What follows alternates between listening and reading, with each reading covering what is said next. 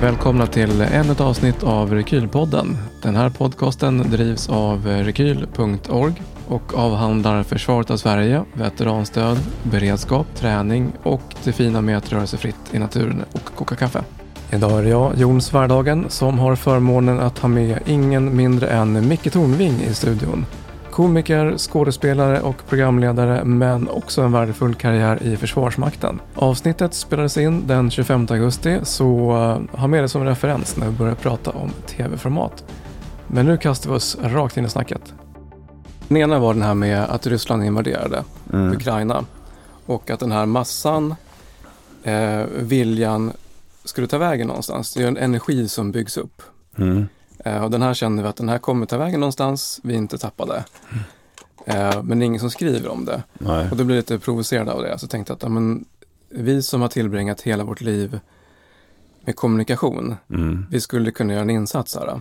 Men sen var det också parallellt med det här så fanns det ju, du vet inte om du känner till dem, VRR. Eh, veteranstöd Rapid Reaction. Det är Ja, ja, ja. Oh, ja. Mycket förening. Facebook-funding och Jajamän. sådär. Ja, Och du vet så här, ja men... ja. eh, Gunnar ska... Kenneth, ja Gunnar, ja, exakt. Han blev Eh, på Skilsmässa måndag. ja, och utmätt och ja, Ja. hjälp. Kommer det Så pengar. det var sån jäkla rock'n'roll i den här organisationen på Ja. Facebook. Ja, jo. Och då känner man så här, fuck yeah, det här måste vi vara med och hjälpa på den hela vänster. Ja. Hur kan vi göra det här? Utan vi började med förbokningskampanjer och sa, tja, Mm. eh, vill ni köpa de här roliga t-shirtarna? Eh, och så ger vi pengar till eh, eh, VRR. Mm. Och då börjar vi i I22-gruppen på Facebook. Mm. Och så fick vi över typ så här 6800. Tänkte vi så här, jäklar vad mycket pengar. Mm. Eh, och sen så snackade vi med VRR och då sa de att, ja men eh, kör på, ni verkar vara lagom dumma i huvudet så att eh, vi testar och ser vad som händer. Mm. Så körde vi en förbokningskampanj och så kanske vi fick upp typ sådär, jag vet inte, 40 000. Mm. Nej men när vi såg så här att, ja, men här kan vi faktiskt få att växa ännu mera och ju mer vi växer desto mer nytta gör vi. Mm. Man märkte att det som vi gjorde förra året och byggde upp systemet runt omkring Rekyl gjorde att vi på, på en femöring kunde vända, ta fram nya motiv. Den 24 februari, vi hade tänkt att lansera om det var 25 februari, Mm. Kasta en kampanj som vi tänkt att lansera och så bygga en ny kampanj. Ja. Och sen så ha kapacitet att trycka upp allting för att vi har upphandlat fler tryckerier och distribuerar ut. Trycker ni i Sverige? Eller? Vi trycker i Sverige. Ja. Så att eh, det, den hade vi inte kunnat, eh, och då, då frågade vi folket så här, är det okej om vi skeppar pengar till Ukraina istället för svenska veteraner? Mm. Och det var det ju. ja, såklart. Ja. Ja, jag fick ju hålla i äldsta grabben här. Han var ju på väg ner. Ja, Men jag sa åt honom det att jag, jag är lika sugen själv, så Mm. för han hade rätt spatos som heter duga. Mm. Men sa till honom om, om du åker ner, A, du vet inte vilken utrustning du kommer att få. B, du vet inte vilka uppgifter och C, du vet inte vilka du ska utföra uppgifterna Mm. med. Så du kan hamna med vilka jävla kokosnötter som helst och i värsta fall råka bli skjuten i ryggen för att någon jävla lallare inte kan hantera vapnet ordentligt. va. Så Ja, ska man exakt. ner och slåss, då, då ska man slåss i ett förband ja, som, där, man, där man känner varandra och man är övade på Mm. med ungefär samma stridsteknik och sådär så att det inte blir konstigheter. nej men verkligen all kudos till alla som vill hjälpa till. Ja, Det är jättebra, men som du säger, det är, vi får ju frågan så här, vem ska man vända sig till? Det fick vi jätteofta i början. ja. Vi, vi kan inte rekommendera det. Ja, men jag såg ett bra inte. inlägg eh, nu, eh, faktiskt var DN, en debattartikel, där de propagerade, jag kommer inte ihåg vilka det var nu, men de propagerade för att alla västliga försvarsstyrkor skulle avsätta 5% av sin försvarsbudget direkt till Ukraina. Mm, Och jag tycker det är vettigt därför att Ukraina tar den här smällen som vi kommer att få ta eh, om, om det här går vägen för, för, för ryssarna. Va? Då kommer de inte ge sig där utan då är det Baltikum som är nästa. mm, Och sen förresten så hade vi Finland också ja. i vårt imperium. Ja, Eh, han är är- Georgien och Ja men de, alltså de Jag försöker förklara det här för en kompis. Alltså, om vi bortser från att Ryssland är genomkorrupt och militariserat så, så har de en offerkoftementalitet och upplever att de är, är berövade sin rätt oklart vad det nu är, på världsscenen. Eh, och det de skulle behöva göra, det är att de skulle behöva göra samma resa som Tyskland gjorde efter andra världskriget. Göra upp med sin historia eh, helt ut. Och inte bara i en vitbok här och en vitbok där, utan i film, i litteratur, i musik, i alla de här medierna. För att liksom då hitta en ny identitet. Eh, och där är de inte än, för de har sopat alla de här grejerna under mattan. De ändrar konstant historieskrivningen så att det ska passa den sittande regimen. Va? Och jag vet att det finns demokratiska krafter i, i Ryssland, men jag tycker de får fan mig skylla sig själv lite grann.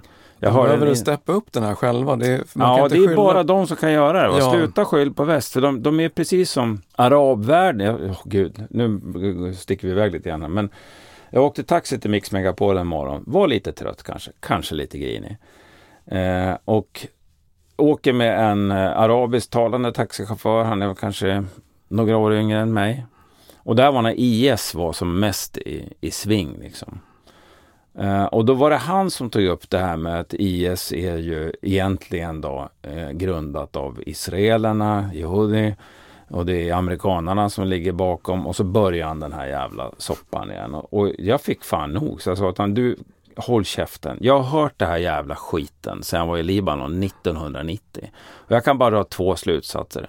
Antingen så är, ju, så är det israelerna som ligger bakom och då är ni så jävla lättlurade alla ni araber så då ska ni fan inte ha någon egen nation. Va? Eller så är det så att era ledare är korrupta och kassa och skyller allting på israelerna och ni går på det och då är ni korkade. Så vilket är det? Är ni lättlurade eller är ni korkade? Ja, och då så... var ju diskussionen slut ja, i 15 minuter fram tills jag klev av. Va? Men på Ryssland, det är ju som den här killen som går runt och mobbar folk. Ja, hela, hela ja, tiden. vi har dragit den liknelsen. Ja, och till slut så är det någon som lappar till och så mm. börjar de grina. Ja, ja och, och, det som störde mig som fan, jag skrev en krönika i Försvarets forum det för fyra år sedan eh, om det här med rysskräck. Att jag var trött på att höra det här med rysskräcken, för det var ju någonting som många, då, lite grann kulturvänstern och lite sådana en del av den här fredsrörelsen, de är både de både överskattar sin kommunikativa förmåga. Om bara jag får prata med dem, då förstår de och då blir de snälla. Det, och det är det ena och det andra är att de är totalt okunniga om Försvarsmaktens uppgifter. Utan mm. de tror att vi är ett gäng krigshetsare som bara längtar efter att spetsa barn och, och öppna eld. Mm. Eh, och jag, jag, var så trött på det här eh, rysskräckspratet så, så jag, jag, gjorde den liknelsen. Om jag, har, om jag bor i en, en hyresfastighet och en av grannarna är våldsam, dricker mycket, gör regelmässigt inbrott i de andra lägenheterna, tar för sig saker och misshandlar folk och kräver massa tjänster. Om jag då sätter in en säkerhetsdörr så är det inte grannskräck jag lider av. Utan jag har gjort en analys och så har vidtagit åtgärder på ganska objektivt underlag. Det är så jag ser det. Va? Men det, det, där drog de, det, där, det, var liksom flera av de här debattörerna som alltid, det är den gamla rysskräcken. Fan skärper! Det är intellektuellt slappt att hålla på och säga på det sättet. Va? Men jag tänker så här, för nu, nu står det ju ställt bakom allt rimligt tvivel. Ja, nu är det inget snack. Nej, så, här, så här, frågan är så här, vad kommer, vad kommer sen? Vad kom, hur, kommer argumenten se ut? För nu har man ju lärt sig att vad de än säger ja. så är det fel. Ja. Det är bara på. Egentligen så skulle man göra en, en eh, det är någonting för en undersökande journalist. Det finns ju några politiker som konsekvent ligger, inte för att de är, är ryssvänner, utan jag tror bara det ligger i deras personlighet. De är konsekvent fel ute i alla sina utrikespolitiska bedömningar. Och det vore jävligt kul att sitta i en debatt och säga till vem du nu är, okej, okay, Eh, under de, den här fasen så gjorde du det här uttalandet och den här bedömningen. När ryssarna gick in i Ukraina så gjorde du den här bedömningen och nu gör du den här bedömningen. Du har haft fel på alla stora punkter. Varför i helvete ska jag lyssna på dig? Mm. Du, har, du, har, du, du har ju ingen trovärdighet i det här. Folk vill gärna se världen för vad de tror att den ska ja, vara. Ja, för, för de vill att den ska vara. hur den är. Ja. Och tittar man historiskt på just den här typen av eh, nationer. Så det är, det är maktspråket som funkar för Ja, Samma var i Jugoslavien. Ja, samma var i Jugoslavien. Det enda som funkade var överlägsen eldkraft. Ja, jag, och jag försökte förklara för en, en bekant till mig om det just det där. Jag sa det att, och jag var ju inte där nere, men jag sa det att eh, där på Balkan så är det en machokultur. Och om du då viker undan och försöker förhandla, då är du en jävla wimp och det kan man utnyttja. Utan det som funkar det är att du bröstar upp det och visar att ditt vapen funkar lite bättre än deras och att du har överlägsen eldkraft. Då är de plötsligt beredda att diskutera. Mm. Men om du kör den här svenska stilen, va? lägger huvudet på sned och ska lyssna, då, då, är, då kör de över det. Nej men så är det det är så dumt att det ska vara, ja men nu är det så. nu är det så. Nu är det så. Ja, men som på B01 när eh, Henriksson lyfte bort stridsvagnsminerna från backen. Ja. Och förklarade att, de hade slut på varningsskott. Ja. det, tycker jag, det tycker jag är så jävla... Vi har tyvärr skjutit slut på alla varningsskott. Det tycker jag är så bra. Det är en bra inställning. Ja, Ja, var det danskarna, de lackade till efter ett tag. De blev beskjutna Ja. från en höjd. Operation Böllebank. Ja. Böllebank. Och så ja, de tömde i alla vagnar för att liksom kapa, kapa höjdkurvan på den här kullen där inkommande kom ifrån. Ja. Och så var det någon som frågade, ja men hur, kunde ni skjuta 160 fågelgranater? Nu tar något siffra i Ja. luften. Ja, vi hade inte fler. Ja. Alltså det, är- det man behöver liksom visa vad skåpet ska stå. Ja, och sen var det lugnt, med, ja, För sen, sen spreds ju det där, om jag inte är felunderrättad då, sen spreds ju det där att eh, skjut inte på svenskarna och danskarna för då dör du. Och det är ju en pedagogik som, som funkar förvånansvärt bra över alla ja. kulturgränser. Ja, Och den är helt alien för de flesta i Sverige. ja, helt. Folk tror ju att det är bara på allt det här. Ja. Men tyvärr, det är en spade en spade även där Ja. nere. Så är. Så att så är det. Ja, ska vi köra? Vi kör igång. Jag misstänker att du redan har spelat in det här så att jag får klippa lite grann. Tack. Alright då, så innan vi kör igång så vill jag tacka dig för en jättefin karriär inom både film och tv. Eh, du har gjort eh, ståuppdelar och du har gjort eh, du som komiker och skådespelare men du har också en jättefin karriär inom det militära. Ja, kapten vid 61 års ålder vill jag vill inte påstå en särskilt lysande karriär. Men, men tack jo. Ja. Nej men du har, dels har du varit reservofficer, du har även gjort eh, utlandstjänst Mm. och här nu senast så eh, inne i hemvärnet, vilket är så har fått ett rejält uppsving här nu från eh, inte minst sen ryssarna invaderade Ukraina igen ska jag säga. Mm, ja, då blir det poppis. Då blir det poppis. Hur, eh, hur har ni tagit an den här nya anstormningen? Vi går rakt på Ja, alltså det kan jag inte jag svara på därför att jag är inte längre bataljonschef utan jag har en annan funktion i hemvärnet. Men den information jag fått eh, säger att det är inte jättebra. Eh, och jag är inte förvånad. Eh, därför att nu ska jag vara kritisk då. Jag tycker att Försvarsmakten i många avseenden är en fantastisk organisation. I andra avseenden är den en trög, stolpig, försiktig och tveksam organisation. Jag vill påstå att den här långa nedskärningsperioden har gjort att karriärvägarna är mycket tydligare för en officer som kan hålla budget än för en som kan fatta beslut på dåligt underlag i snabba lägen. Tror jag.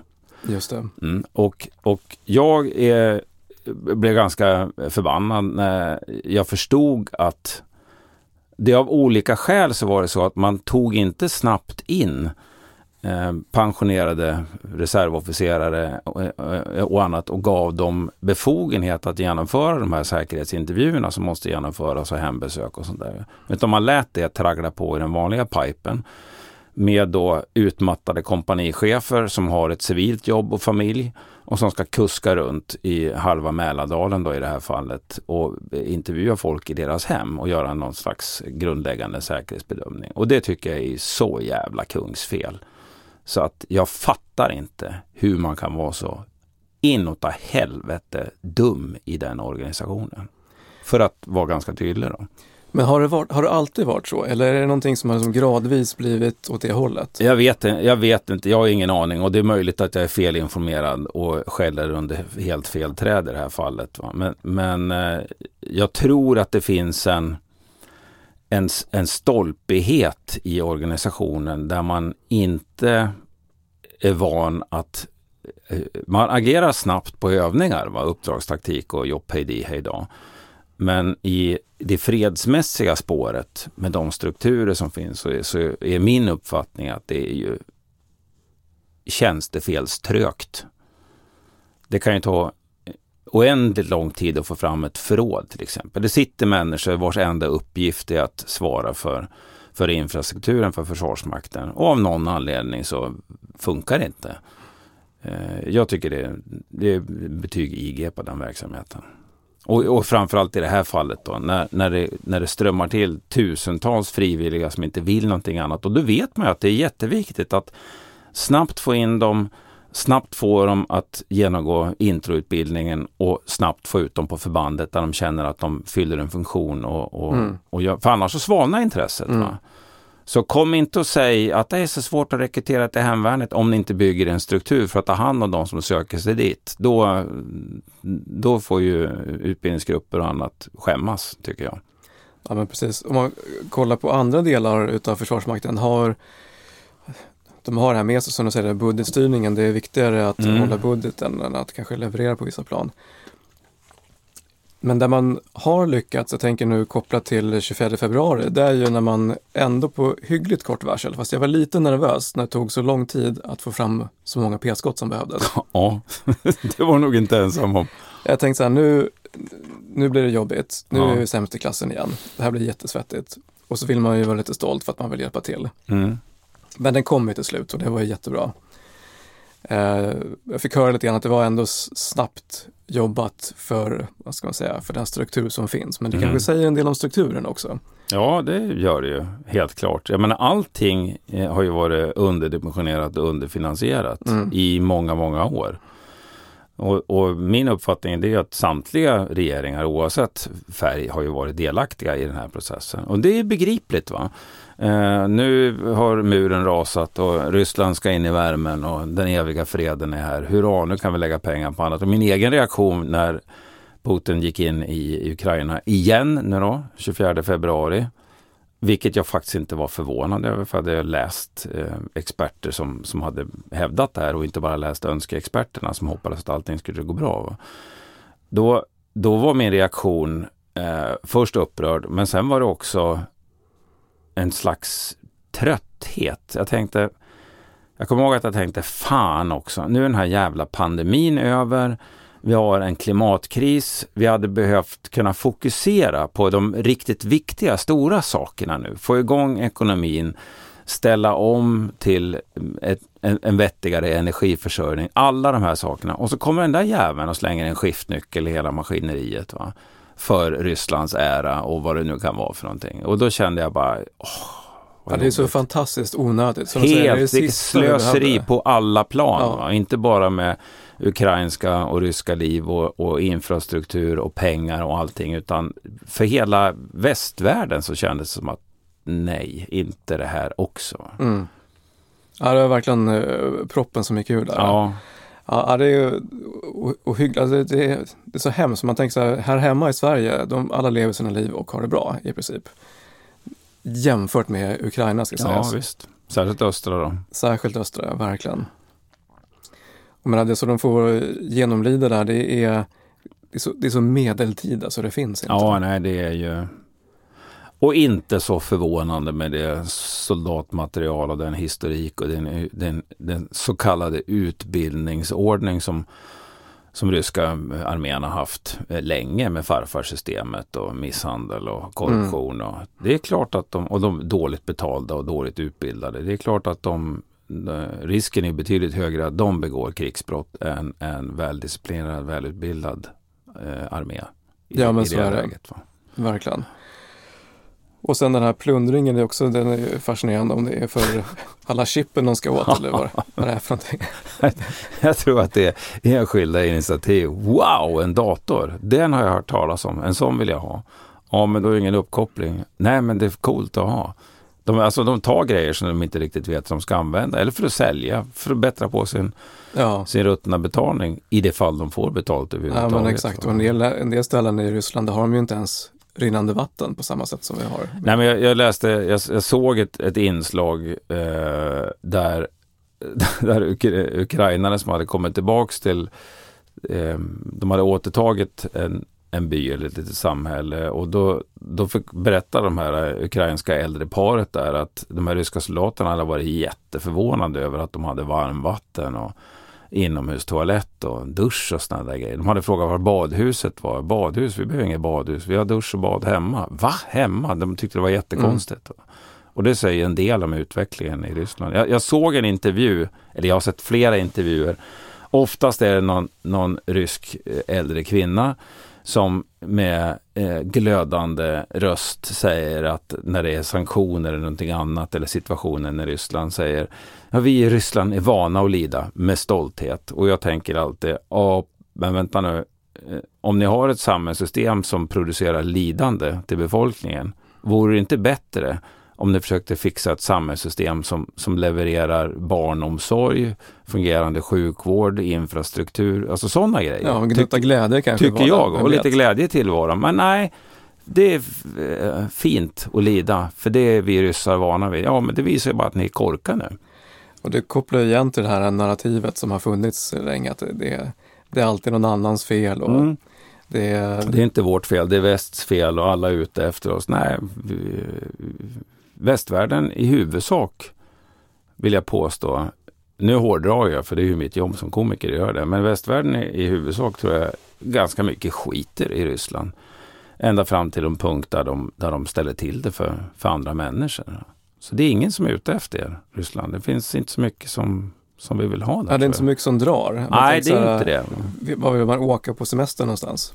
Nej, men det, och det roliga var ju där när, när Putin då eh, eh tufft kontrade med inreseförbud till Ryssland. För, att, för jag, jag, jag, gjorde en grej på det. Så det är ungefär som om jag skulle säga till mina, mina söner som sitter hemma och gamer med en chipspåse och eh, fjärrvärme och dusch och hela skiten. Ja, nu får ni inte följa med upp till stugan i Jämtland och slyröja det, det, det, är inget, det är inget straff, det är en belöning. Varje dag. Ja. underbart. Men du, om man, kopplar, om man kopplar till eh, hemvärnet här igen då. Du mm. som har hängt med i hemvärnet ett tag. Mm. Jag tänker hur har, hur har utvecklingen skett i hemvärnet? För jag ser, det som jag ser nu i hemvärnet ett helt annat. Jag var med en kort period på 90-talet i hemvärnet. Mm. Då var det en liten grupp som hade ganska stor budget förvisso, men då var det ändå, det var inte alls samma medvetenhet och samma så här, anda i samhället. Idag känns det som att idag är hemvärnet en del av samhället på ett annat sätt. Ja, jag vill säga eh, Alltså utifrån mitt begränsade perspektiv, jag vill säga det, jag har ju inte koll på, på eh, hela hemvärnet, men min uppfattning det är att det är flera saker som har hänt. Dels så tycker jag att hemvärnet har dels utrustningen bra, förutom vissa fordon, till exempel terrängbil 11, som jag varit med ett tag. Va? Eh, förrådssituationen kunde vara mycket bättre på, på, på många ställen så att, eh, så att utrustningen kan tas om hand på ett korrekt sätt. Men det har professionaliserats på så sätt tror jag att mentaliteten har ändrats från vad jag uppfattade i alla fall i början som att det var en ganska stor del som såg det här som en i huvudsak social verksamhet. Vi träffas och trivs och dricker kaffe och vårdar lite vapen och har det mysigt. Va? Och det är inte huvuduppgiften utan huvuduppgiften är ju strid. Och, och eh, strid i ett initialt skede med väldigt osäkra parametrar. Och då måste man ha en annan mentalitet. Och jag tror att, att förändringen i hemvärnet har varit dels, om vi ska säga då, mental personell. Att, att de som i huvudsak var intresserade av att träffas och umgås, de kanske har försvunnit till annan social verksamhet där de får de behoven tillfredsställda. Och så det har kommit in fler människor med fokus och huggtänder, vilket jag tycker är bra. Eh, det andra som har hänt är att jag tycker själv att den här MR-organisationen med militärregioner har varit fantastisk. För äntligen så har hemvärnsbataljonerna en överste, oftast då, som är chef och som, som ger hemvärnet skarpa uppgifter som ska övas mot. Va? Man övar inte längre för att öva, utan man övar mot ett specifikt objekt eller en specifik uppgift. Det, det känns, det finns en, en, en verklighetskoppling som är väldigt påtaglig och den betyder oerhört mycket. Och militärregionbefälhavaren har en, en, stab som, som förbereder de här uppgifterna och, och ger oss order och direktiv. Så att det, det, det är skarpt läge som, som vi jobbar på och det är fantastiskt stimulerande. Sen har det hänt en annan sak och det är ute i, i kommunerna eh, som också har fått en ökad medvetenhet. Så när man har samverkan till exempel med kommun X då, då, då är det inte, äh, vi hinner inte för vi skulle ha ett personalmöte istället, utan de prioriterar de här mötena med hemvärnsbataljonerna och de är väl förberedda och de är pålästa och de är på tårna och väldigt, väldigt duktiga och väldigt villiga att stötta hemvärnet. Det är inte bara, vad kan ni göra för oss? Utan det är lika mycket, hur kan vi hjälpa er? Mm. Hur länge sedan kommer den här skiftningen? När jag skulle säga senaste tre, två, tre åren skulle jag säga. Just det. Ish. Ja. För jag kan tänka mig att det aktualiseras ännu mer nu sedan 24 februari. Ja, jag har inte eh, varit ute sedan efter den 24 februari eh, på det sättet. Va? Men, men jag märkte redan för två år sedan att nej men hallå här, här var det ju, det här var ju kul det var, här var ju ett givande möte där man eh, hjälpte varandra och, och letade efter möjligheter att stötta varandra. Och sen det som jag alltid tycker har varit det mest fantastiska med, med hemvärnet, det är att komma in, när man kommer in på en övning så är det 300-ish personer som, som har mentaliteten hur kan jag hjälpa samhället och vad kan jag göra för nytta? Istället för, ja, vad tjänar jag på det här då? Mm. Och jag hårdrar nu, men, men i huvudsak så är det otroligt uppfriskande och befriande att vara med sådana människor. Ja men verkligen, jag tänker också, det, det finns ju många delar i hemvärnet som man kan lösa ut utan att med vapen i handen. Mm. Du kan ju köra bil, du kan koka mat och du kan vara hundförare till exempel. Ja, ja och det är ju folk va? Ja. Så att alla, det finns en plats för alla. Du behöver inte vara ha huvuduppgift stridande soldat utan det finns tusen andra uppgifter. Alltså våra, våra hundförare, ofta kvinnor, eh, ofta med en lång bakgrund i Brukshundsklubben, kanonduktiga, otroligt engagerade och, och de visar verkligen vilken fantastisk sensor hunden är. Mm. Eh, vilken nytta hunden gör i bevakningsuppgiften till exempel. Det, ja, det, det, det är väldigt, väldigt kul att se. Och nu kliver man ju också över i hemvärnet på att lösa andra typer av eh, problem. Det är inte bara bevakning längre utan Nej. det handlar ju också om störstrid till exempel. Ja, eh, men där tycker jag då att där, där borde Försvarsmakten slash statsmakten tänka till lite grann. Eh, de, det, alltså en normal hemvärnssoldat är kontrakterad fyra dygn. Eh, och det blir man ingen jätteduktig fördröjningsstridskrigare på, vill jag påstå. Även om man har den bakgrunden. Jag har ju den bakgrunden från Norrlandsförbanden. Det var ju det vi pysslade med, särskilt på de fristående Norrlandsskyttebataljonerna som, som jag tillhörde. Där var fördröjningsstriden tills brigaden hade samlat ihop sig mm. och kunde smälla på. Så yeah. skulle vi hålla på där och jävlas ute i skogarna. Eh, och det tar tid att att lära sig. Det, tar, det tar inte tid att lära sig men det, tar, det kräver mycket övning för att få det att funka bra. Och den fysiska statusen är ju inte eh, hos alla soldater är ju inte sån att man med lätthet kan bedriva fördröjningsstrid som kräver ganska mycket snabba förflyttningar och släpande av utrustning. Även om det finns fordon så ja, du måste ju ändå förflytta dem med höga knäuppdragningar vid ett par tillfällen om det är fördröjningsstrid. Så där borde man kanske utöka antalet dagar. Absolut. Tycker jag. Och jag har ett annat förslag också medan jag ändå sitter här i podden. Och det är att jag tycker att bataljonschefen ska vara en yrkesofficer som har det här som en del i sin tjänst.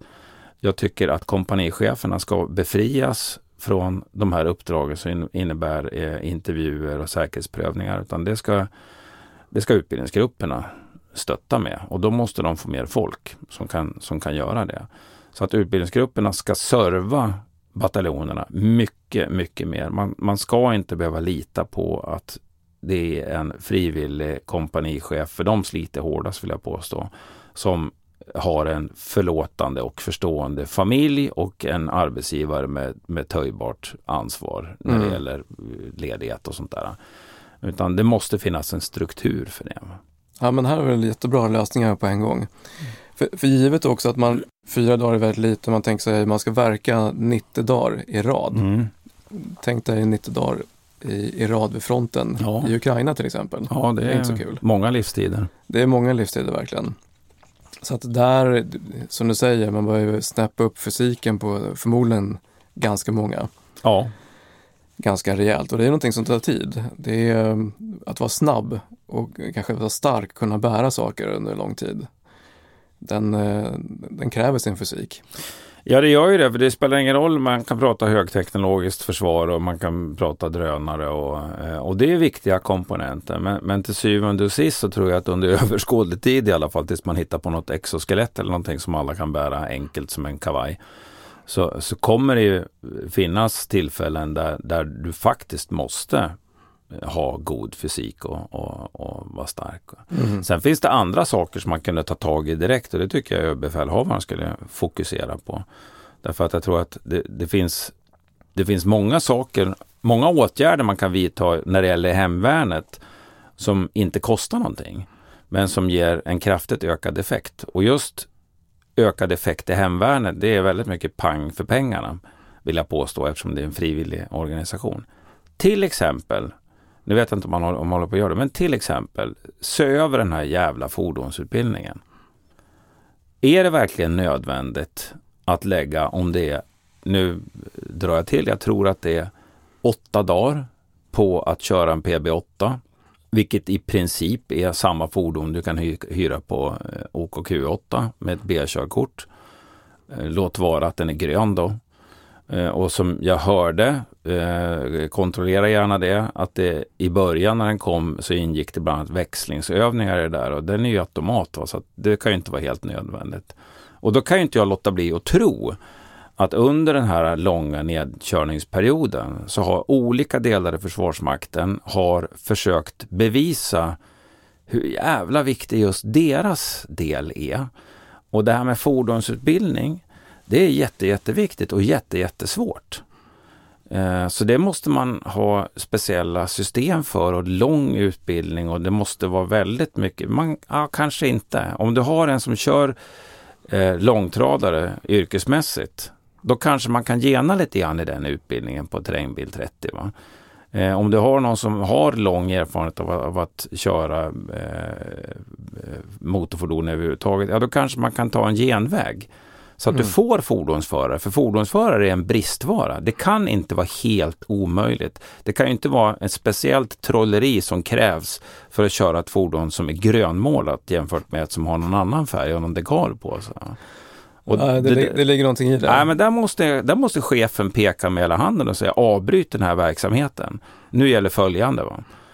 Eh, man gjorde ju det med Säki för inte så länge sedan. Mm. Reviderade hela Säki som hade bara byggts på, byggts på, byggts på. Så det var helt otympligt att jobba efter eftersom man skulle täta alla eventuella läckor och tänka på alla eventualiteter. Va? Men det ska ju också bedrivas en övningsverksamhet som ska vara säker. Men den måste ju vara genomförbar. Mm. Och med tanke på hur hur det ser ut nu eh, i Försvarsmakten med de system som finns som är ganska tekniskt avancerade. Jag menar min äldsta son är specialistofficer. Eh, jag såg deras ING-BV, 67 ton schweizisk armékniv som ska klara allt möjligt. Det fattar ju vem fan som helst att på eh, åtta månader eller tolv månader så lär du dig inte att köra, vårda, bedöma marktryck, och under artillerield hur du ska sätta an grävskopan för att få effekt för en, ett, ett brobygge som ska göras under strid. Va? Det, det lär du dig inte på, på åtta månader. Du kanske lär dig att köra den. Så jag tror att vi kommer att behöva en mix av, av yrkesofficerare, av reservofficerare, jag vill återkomma till det, eh, av värnpliktiga officerare, av värnpliktiga, av tillfälligt anställda och av eh, eh, yrkessoldater. som är kontrakterade för fem år. Eller vad man. En, det vill säga en mix av de här Mm. olika. Ja, för värnplikten i sig kommer inte lösa så många problem. Den löser det är inte mest en problemen. siffra i någon Excel-ark. Ja, och den viktigaste eh, saken som jag tycker att värnplikten gör. När man avskaffade värnplikten då, eh, då hävdade jag ju bestämt att nu kommer vi tappa rekryteringen till Försvarsmakten alldeles oavsett vilka fräcka kampanjer man gör. Va? Eh, och varför då? Jo, därför att jag tror att den huvudsakliga rekryteringsbasen för, för Försvarsmakten är människor, killar och tjejer som gör värnplikten och upptäcker till sin stora monumentala förvåning att wow, det här var ju kul. Det hade jag ingen aning om. Och jag är duktig på det här och jag passar för det här. Det här ska jag pyssla med. Och tar man då bort värnplikten, ja då tar man ju bort möjligheten för människor att upptäcka det här yrket. Va? Eh, Så jag, jag tror att värnplikten är viktig Dels för att fylla ett antal befattningar som man faktiskt kan lära sig på, på den relativt korta tid som, som finns med repetitionsutbildningar. Så här. Men framförallt som en rekryteringsbas. Mm. Mycket effektivare än eh, vilka kampanjer som helst. Du får också en folkförankring som inte är helt försumbar. Exakt, den är väldigt viktig. Och, och, och jag, därför att alltså på, på min tid och på din tid också Jon, så, så var ju värnplikten, den skulle man ju bara göra, annars åkte man i fängelse. Eh, och det kan man väl ha en diskussion om, men fördelen var ju att dels så träffades ju folk ur olika samhällsgrupper och var tvungna att börja jobba med varandra. Det kunde vara en läkarson och så en, en bilelektrikergrabb då, som, som jag var. Eh, utan någon som helst akademisk touch liksom. Som, som upptäcker att ja, men vi, har ju, vi kommer ju bra överens. Vi gillar varandra oavsett vad, vad bakgrunden Vi hade inte ens hejat på varandra på gatan Mm. innan. Va? Så att det, det är en viktig funktion för... Men hur var din resa in i Försvarsmakten? För du, du var som eh, kompanibefäl kan jag tänka mig. Ja, ja. jag var KB-uttag och det jag har kanske dragit den förut men det kan ni spola fram. Eller klippa bort. Nej men eh, jag hade ju ingen aning om vad försvaret var utan jag blev KB-uttagen. Jag kommer ihåg att mönstringsförrättaren säger åt mig, eh, ja eh, vad vill du göra då Tornving? Ja, så kort tid som möjligt tack. Ja, du blir KB vare sig du vill eller inte. Ska du vara på skytte eller GRK? Och då visste jag att granatkastarna, de är stora och tunga, sån orkar jag aldrig lyfta, tänkte jag. Så att jag valde skytte. Utan, utan att ha en aning om att det är det som är den fysiskt krävande tjänsten. Men så upptäckte jag till min stora förvåning att jag hade hygglig talang för det och jag trivdes jätte, jättebra. Fantastiska befäl som ja, man kunde ta de här etiska, moraliska diskussionerna när som helst. De ställde höga krav på oss, ännu högre krav på sig själva. De var med, de var föregångsmän som det hette på den tiden. Mm. För det var en rent manlig angelägenhet, eller föregångspersoner. Då. Eh, och då blev det ganska självklart för mig att, att fortsätta som reservofficer. Ett beslut som jag fattade sent, jag vill minnas att det var på kadettskolan liksom, som jag fattade beslutet tillsammans med mina kamrater. Så vi var ju 12 från I5 som fortsatte reservofficerutbildningen uppe Mm. i Umeå. Och det har jag aldrig ångrat. Nej men precis, sen har jag också haft en... en Men jag hade aldrig sökt på en reklamkampanj, det kan jag säga. Eh, Det hade jag inte gjort. Nej, och de var ju inte så väl spridda på den tiden heller. Nej. Nej. men så är det nog. Den, den här folkliga förankringen, det blir ju en, blir en naturlig väg in, för man ser vad det är för någonting. Det får liksom praktisk erfarenhet att det är det här man gör. Ja. Och så ser man upp till befälen som är mycket duktigare på det. ja, de är gudar. Ja. Men har, jag tänker, hur, ehm, har haft någon nytta av den här militära utbildningen? Om jag haft en nytta av den? Ja, tänker sen i det civila. Ja, alltså eh, Norrlands skyttekompanis strid i småbruten terräng, det har jag väl kanske inte använt jättemycket. Men jag har ju haft en enorm nytta av eh, förmågan att planera, eh, bedöma tid. är bra att ha. Eh, mest ska jag nog säga att det är den ökade självkänsla som jag fick efter grundutbildningen när jag tvingades in i situationer som jag aldrig trodde jag skulle klara av. Eh, och som det, det kloka eh, befälet då eh, puttade in en i. Och sen upptäcker man att man kommer ut på andra sidan och gjorde det ganska bra i vissa fall. Och i det fall man inte gjorde det bra så fick man veta exakt varför man ja. inte hade gjort det bra. Eh, den kultur av återkoppling i utvecklingshänseende som man har i Försvarsmakten tycker jag är fantastisk. Där man från början tränas i att ta kritik. Och, och inte bara skäll utan kritik som ett naturligt och, och det bästa sättet att, att utvecklas. Jag ser det på båda mina söner. De är, har båda gjort militärtjänsten och båda är ju fullständigt, det är fullständigt odramatiskt att ge feedback. Mm. Det är inte ett påhopp och ett dödligt hot mot deras person alls. Va? Utan det är ett, ja bra, bra information, jag tar till mig det. Eller ja, där håller jag inte med dig. Va? Så att ja, ja, svar ja. Jag har haft en enorm nytta av min tid i Försvarsmakten. Jag är, jag är Försvarsmakten evigt tacksam för att jag är, eller hade möjligheten att bli den person som, som jag är idag och som jag trivs ganska bra med. För jag var ingen lycklig, eh, självsäker kille när jag ryckte in. Det kan jag inte påstå. Utan jag var en liten rädd, osäker jävel. Ja, men det tror jag många var på den tiden också. Man hade ju, som idag, nu finns det i sociala medier och Försvarsmakten har reklamkampanjer till höger och mm. vänster. Och man, man ser Försvarsmakten på ett annat sätt. Och när man mönstrade fick man kanske bläddra en liten folder. Ja, det var ju en chock när man kom in. Man ja. hade ju ingen aning om vilken Nej. värld det var man gick in i. Nej, inga hemsidor att, kolla Nej. på, utan det var hörsägen ifrån. Ja, ingen mobiltelefon, ingen, ja. ingen uppkoppling, ingenting. Det bara pang innanför grindarna, sen var det Sen, sen, hade du, sen var du borta. Ja, verkligen. Du var borta från omvärlden. Liksom. Ja.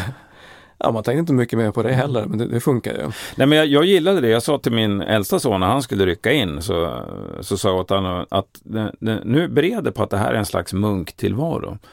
Eh, och du, jag tror att du kommer gilla det, sa jag till honom. Att du, du kan helt och hållet fokusera på den här nya världen och upptäcka vem är jag i den här nya världen utan störnings, störsignalering från, från gamla kompisar och, mm. och, och, och så. Utan inte vem var jag i skolan utan vem vill jag vara nu? Vem, vem är den här nya personligheten som jag faktiskt kan, kan skapa i den här nya miljön? Och jag tror att han anammade det och jag tror att han trivdes med det också. Alltså, det går ju väldigt snabbt att växa i en sån miljö. Det gör det. Ja, det, man får ingenting serverat. Eller det får man på ett sätt. Men det gäller att man hänger med bara. Ja, jag, jag brukar säga att, att, att eh, grundutbildningen sätter turbo på den personliga utvecklingen. Ja. Det, det, gör den verkligen. Och för vissa är det förödande, men då finns ju nu möjligheten att bara hoppa av. Mm. Och, och, för andra så är det precis exakt vad, vad de behöver för att ta nästa steg i sin personliga utveckling. För mig var det det definitivt. Jag, jag, jag behövde verkligen. Ja men det kan jag känna själv också. Man eh, hade inte så stora tankar om sig själv eller om, om livet. Så Sen så, så klev man in i den här världen och såg att ah, men det, det här går faktiskt att genomföra. Ja. Va? jag kommer ihåg att sa att i början så sa han till mig, de gick igenom de här olika faserna, man förstod ju ingenting. Det var personlig färdighet och tillämpad övning mm. och sådana ord som är, de hade kunnat sagt någonting på grekiska, det här var lika tydligt. Alltså, min kapten sa en grej som jag kommer ihåg så väl hur jag reagerade på. Han sa och om eh, sex, ja, ni kommer att genomföra fjällmarschen där ni kommer att leda grupp och sen kommer ni under hösten att gå som plutonchefer och leda 37 man som det var i Norrlands skytteplutonerna på den tiden. Och jag kommer ihåg att jag tänkte leda 37 man. Han, han är ju helt galen.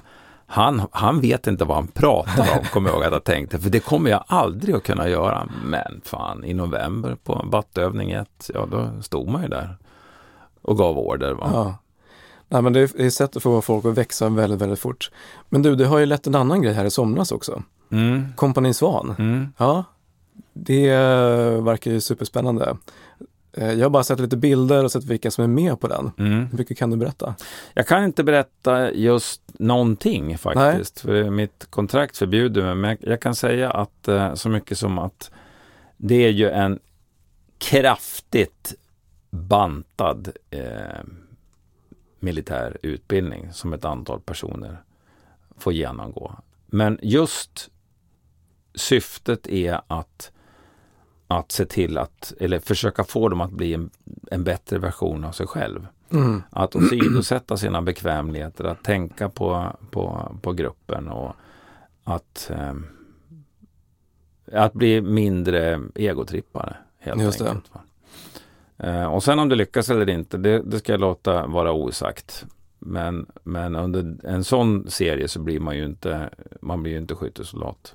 Nej, det, Men blir, det det blir ett en, en liten tv-format. smak av, av, av vad det. det. kan innebära. Va? Och vissa delar, alltså vissa grupp, gruppdynamiska processer sätter ju en, en sjöherrans fart när man trycker ihop folk Mm. och tvingar dem att göra grejer. Ja, för jag lyckas skymta på någon bandvagn där uppe eh, en varg, så då drar man Mm. slutsatsen av norr om polcirkeln i alla fall. Mm. det kan stämma. Det kan stämma. Mm. Ja, men det är kul. Eller inte. Eller inte, nej men precis. Eh, ja, men jag tänker också... Det är min gamla krigsterräng för övrigt. Ja, det är det. Upp mot finska gränsen där. Just det. 10 mil norr om polcirkeln. Ja. Um, nej, men det som är kul med det är att man ser de som är med där. Det blir ju kanske bra ambassadörer för den här typen av verksamhet. Ja, jag hoppas ju det. Va? Och Försvarsmakten står ju bakom eh, Mm. det här med lån av utrustning och faciliteter och, och, och sådär. Och, jag såg det väl som min huvuduppgift att, att försöka hålla den militära kontakten och, och trovärdigheten. Sen finns det ju moment naturligtvis som, som, som är tv-mässiga men som inte har någon större bärighet på, på försvarets verksamhet. Men i grunden, och, alltså värdegrund och sättet hur man hanterar och disciplin och sådana saker, det, det ska ju vara korrekt. Mm. Jag tänker så här, äh, totalförsvarsmässigt så det, det är vettigt att få igång, som säger, mer, få det här tänket ute i, i massorna så att säga. Ja, kan man sprida, om man kan sprida en kunskap om vad Försvarsmaktens uppgift är, Mm. Så tycker jag, då tror jag att man har hunnit väl, eller kommit väldigt långt. Därför att eh, det, ett f- försvar tycker jag måste vara förankrad i ett folkmedvetande. Att medborgarna i det landet fattar ungefär vad Försvarsmakten pysslar med och i alla fall vad deras uppgift är, nämligen att, att skydda den nationella integriteten och vår rätt att fatta våra egna beslut Mm. att Försvarsmaktens uppgift är egentligen att ge, tycker jag då, att ge våra politiker råg i ryggen så att de vågar stå på sig när det är påtryck, påtryckningar från, från mobbarnationer i omgivningen.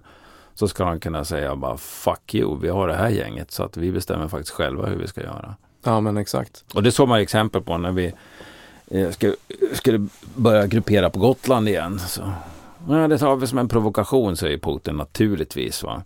Oj, det är en provokation att vi flyttar våra förband inne på vårt territorium precis som vi vill. Ja, men stick och brinn då. Om du blir provocerad av det. Det är ingenting som vi tar någon som helst hänsyn till. Och där måste man stå fast då, mot, eh, mot eh, ryssa, den ryska regimen, tycker jag. Ja, jag såg i någon eh, intervju för länge sedan, det skedde på eh, någon eh, kommuntjänsteman. Eh, där de tog intervjun och såg kartan på Gotland och Mm. tog den för anfallsplaner. Ja, hur då? Ja, ja men just så att jag tror att som eh, gemene man ute på gatan reflekterar sällan över hur bra vi har det i Sverige. Att vi, vi har fred och vi har hygglig, eh, hyggliga dem, demokratiska fundament att stå på. Ja. Och vi får leva som vi vill. Men att man inte kan ta det för givet. Nu, och jag tror ännu inte idag, trots Ukraina-kriget, att man eh, förstår hur bra vi har det. Nej, jag, jag, jag delar ju den uppfattningen eh, helt och hållet. Att jag tror att väldigt många i det här landet tar det här som vi har som fullständigt givet. Och det är det inte. Det måste eh, försvaras. Och då menar jag inte bara försvaras ute till havs med, med marin och flygstridskrafter och till lands med arméstridskrafter och annat. Utan det måste försvaras i den dagliga verksamheten. Jag tycker till exempel att ett sätt att försvara det vi har det är att inte halka in i det här slentrianmässiga politikerföraktet. Utan man kan ställa krav på politiker, absolut. va. och man ska definitivt gå och rösta, annars kan du bara hålla käften om du inte engagerar dig i, i, i politiken så pass mycket så att du orkar gå och lägga en röst. Då mm. har du förverkat, tycker jag, då, din, din rätt att sitta och gnälla hemma på kammaren sen. För då, då har du samma offermentalitet som ryssarna kör med. Ja, det, det är inte mitt fel att det blev så här. Allting är alla andras fel. Ja, men agera då, om du tycker att det är dåligt. Då. Ja, men för, och det här är ju en av så här grunderna till som vi har formulerat på Rekyl. Så här, demokrati, det är inte ett jippo var fjärde år. Nej. Det är varje dag. Det pågår varje dag. Om någon sitter och slentrianmässigt gnäller på alla politiker är likadana och de bara ljuger. Det gör ju väl vissa. Men, men min uppfattning det är att väldigt många politiker drivs av en, en, en verklig vilja att påverka samhället. Och sen kan jag inte alltid, inte alltid hålla med om, om deras analys och deras verklighetsbild och deras recept. För polis, politik är, är en berättelse. Kapitel 1, så här ser det ut i Sverige. Kapitel 2, det här beror det på. Kapitel 3, det här, så här tänker vi lösa det. Eh, och du kan ha fel i alla de här tre kapitlen, alltså fullständigt fel. Men om folk upplever det som trovärdigt i, i de här kapitlen, då, då kommer du vinna valet. Mm. Så det handlar om att projicera en bild av hur det ser ut och vad som är fel och vad som ska göras. Mm. Och där har ju vänstern då och Sverigedemokraterna helt olika berättelser. Och så ska det vara i, i, i politiken. Men, men det innebär ju inte att de är sopor och värdelösa och ungefär likadana allihopa. För då, då tror jag inte att man lägger ner sju dagar i veckan och läser propositioner och sitter i skittråkiga jävla möten på kommunal nivå och statlig nivå. Alla som har suttit i en bostadsförening, bostadsrättsförening ett tag vet jag att det är inte jättesexigt. Va? Men någon måste göra det. Mm. Så eh, ställ krav på politiker men, men eh, döm inte ut dem sådär generellt och slentrianmässigt. För det, det är att göra demokratin en otjänst tycker jag. Blir du förvånad över den relativa uppslutningen som skedde när vi ansökte till NATO? Ja, jag, jag vet faktiskt inte. Nej, jag tror inte att jag blev det.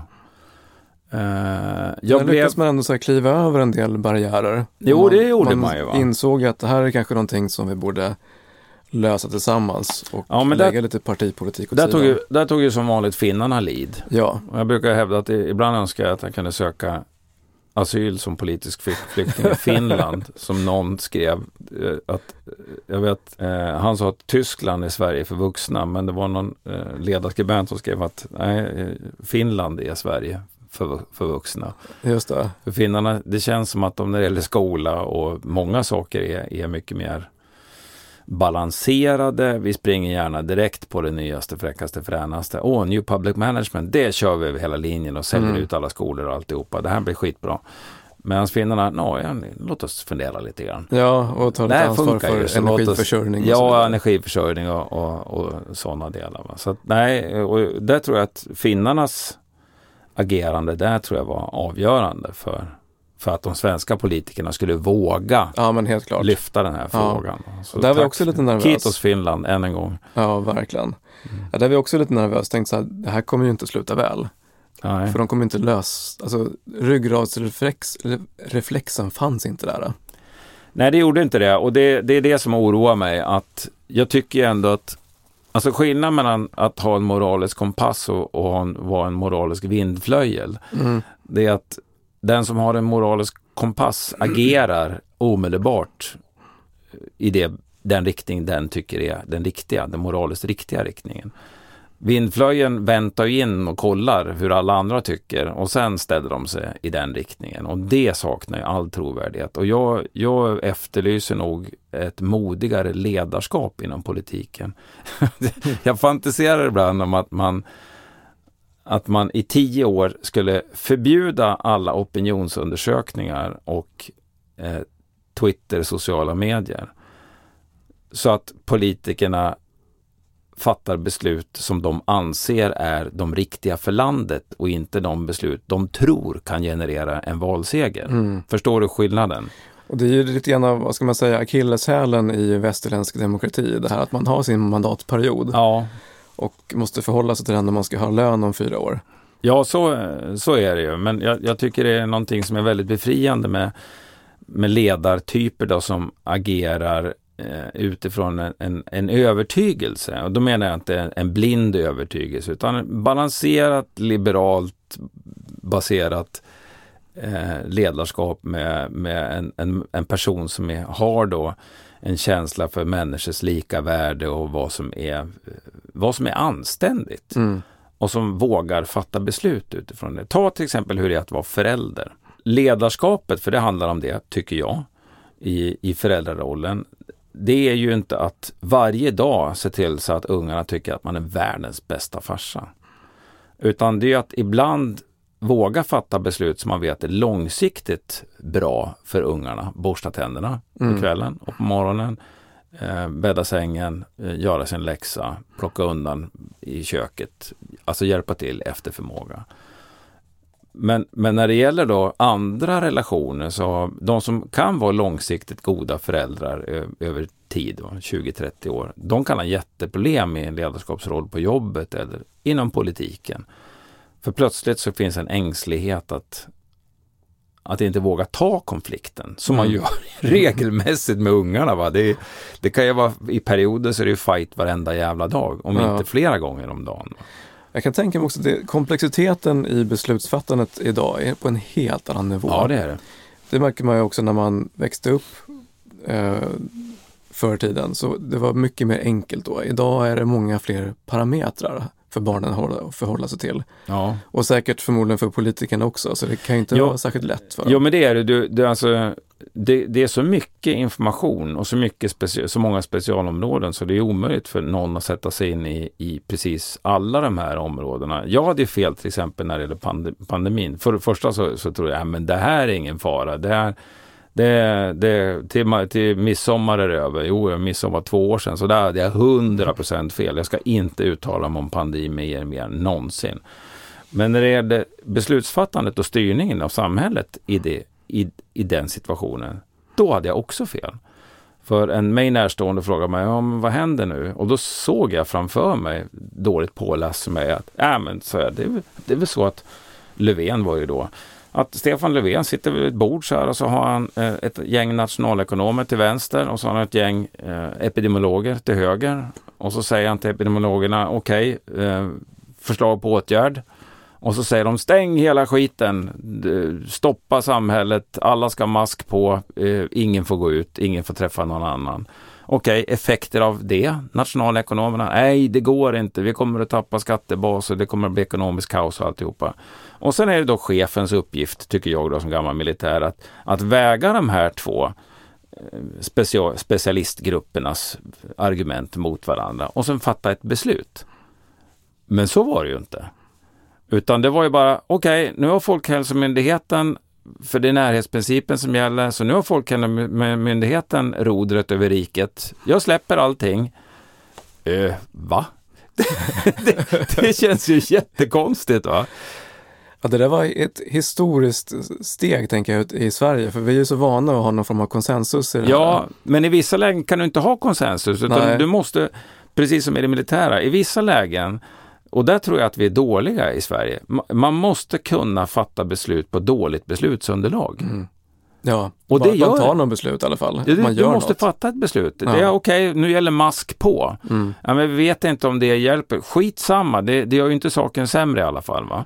Och så får vi utreda det här och så kommer det ett nytt direktiv om sex månader. Det ska bli intressant att se hur, de, hur det faller ut, för vi fick ju väldigt mycket skit som nation för det här. Mm. Och om det var liksom för att folk bara ville kanalisera någon form av ilska eller förtvivlan eller någonting att de inte förstod situationen eller om det var en kombination av påverkanslösningar. Who knows? Jag tror att det är rädsla.